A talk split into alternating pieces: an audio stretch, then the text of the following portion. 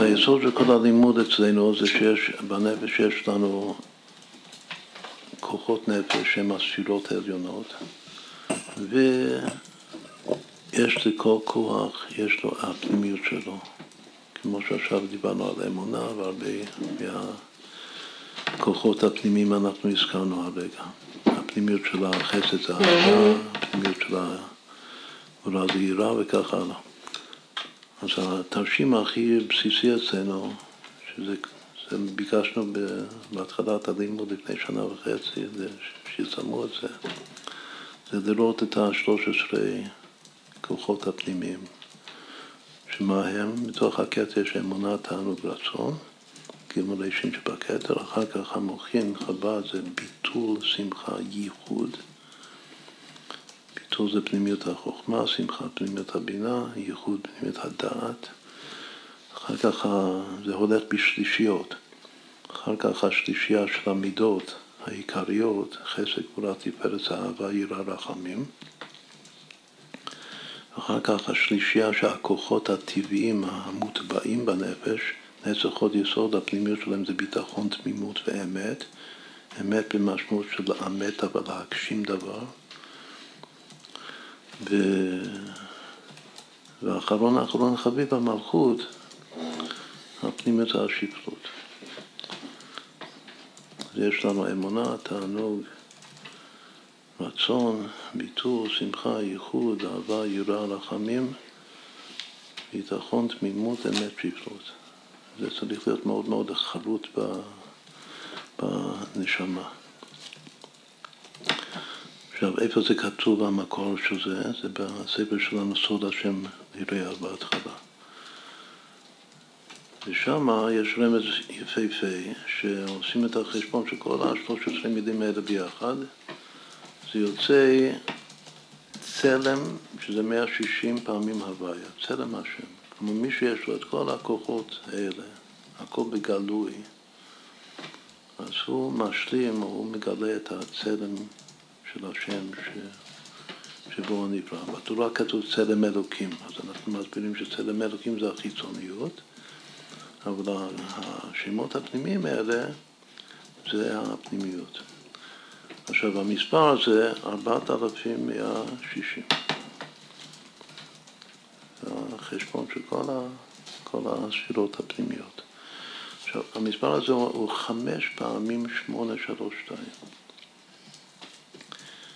832 זה לב פעמים הוויה, או כבוד, לב וכבוד זה אותה גמטיה. וזה שווה ארץ ישראל. מה שעיקר הסוד בקבלה של ארץ ישראל זה לב הוויה. זה גם פנימיות. במעשה בראשית כתוב לב, ל"ב פעמים שם אלוקים, שזה המקור של ל"ב נתיבות חוכמה. שבששת ימי בראשית בתורה, בראשית ברא אלוקים את השמיים ואת הארץ וכולו, השם אלוקים חוזר, ורק השם אלוקים, אין שם אחר שם. השם אלוקים חוזר במעשה בראשית 32 פעמים, אלף פעמים. עכשיו זה לגבי כללות הבריאה, אבל כתוב שבתוך כל האלוקים יש הוויה. זה גם גיאומטריה, אלוקים שווה 86, שווה איזה 26, מה ההפרש ביניהם? 60. מה זה 60? 60 זה כלי, המילה כלי. אז מה זה אלוקים? אלוקים זה כלי הוויה, זה כלי שמקבל את השם הוויה, הוא כלי. האור זה ההוויה. מה שיוצא שיש זיקה בין ארץ ישראל לבין הכוחות הפנימיים של הנפש. לכן אפשר בהחלט לומר כל אחד מהכוחות שזה דבר שמתגלה בארץ ישראל. דווקא, יותר מחוץ לארץ. איפה זה מקום האמונה האמיתית של היהודי? איפה היהודי יכול לגלות את האמונה שלו בשם, כמו שצריך, בארץ. אז אם כן, אפשר לומר שארץ ישראל זה ארץ האמונה. וכמו שאפשר לומר ארץ ישראל שהיא ארץ האמונה, אפשר לומר שארץ ישראל זה ארץ התענוג. זה הכי כיף להיות כאן. למה נקרא שמה הארץ? בגלל שהיא רצתה לעשות רצון קנה. אז ארץ ישראל ארץ הרצון. פה מקבלים רצון לעשות את רצון השם. חוץ לארץ זה רצון אחר, רצון זר. המקום של הרצון לעשות מה שהשם רוצה זה ארץ ישראל, ארץ הרצון. איפה אפשר להרגיש ביטול אמיתי להשם? גם בארץ, זה ארץ הביטול, איפה צריך להיות שמח, תחת אשר לא עבדת על השם אלוקח בשמחה וטוב לבב, בארץ ישראל, ארץ השמחה. איפה אפשר להתייחד עם השם או לייחד את כל הדברים עם השם בארץ. איפה, זה, איפה אפשר לאהוב את השם ולאהוב את ישראל ולאהוב את התורה וכל מה שיהודי צריך לאהוב זה ארץ האהבה, ארץ ישראל זה ארץ האהבה. איפה היראה האמיתית, הטהורה, יראת השם טהורה בארץ, ארץ היראה. ככה כולם, זה ארץ הרחמים וארץ הביטחון וארץ התמימות וארץ האמת.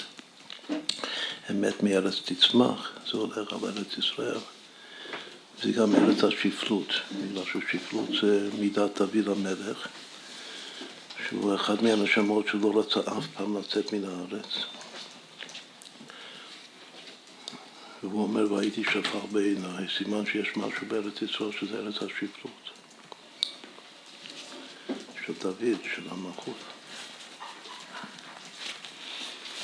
אז אם כן, זה רק כדי קצת לסבר את האוזן, שנבין שכל מה שאנחנו לומדים, כל הכוחות הנפש הפנימיים, כל האורות של הנפש, זה הכל מתגלה כאן בארץ. זאת אומרת, יש הביטוי בספר התניא שצריך להגביר את חיבת ארץ הקודש. את כל יהודי יש לו חיבה, וגם דיברנו קודם על המילה געגועים, שזה פנימיות הרצון. יש לו געגועים וחיבה מיוחדת לארץ ישראל. כדי להרבות את זה, אז צריך להתבונן באמת שכאן זה המקום של האמונה, וכאן זה המקום של התענוג ושל הרצון, כל מה שלא, זה, כל כוחות הנפש.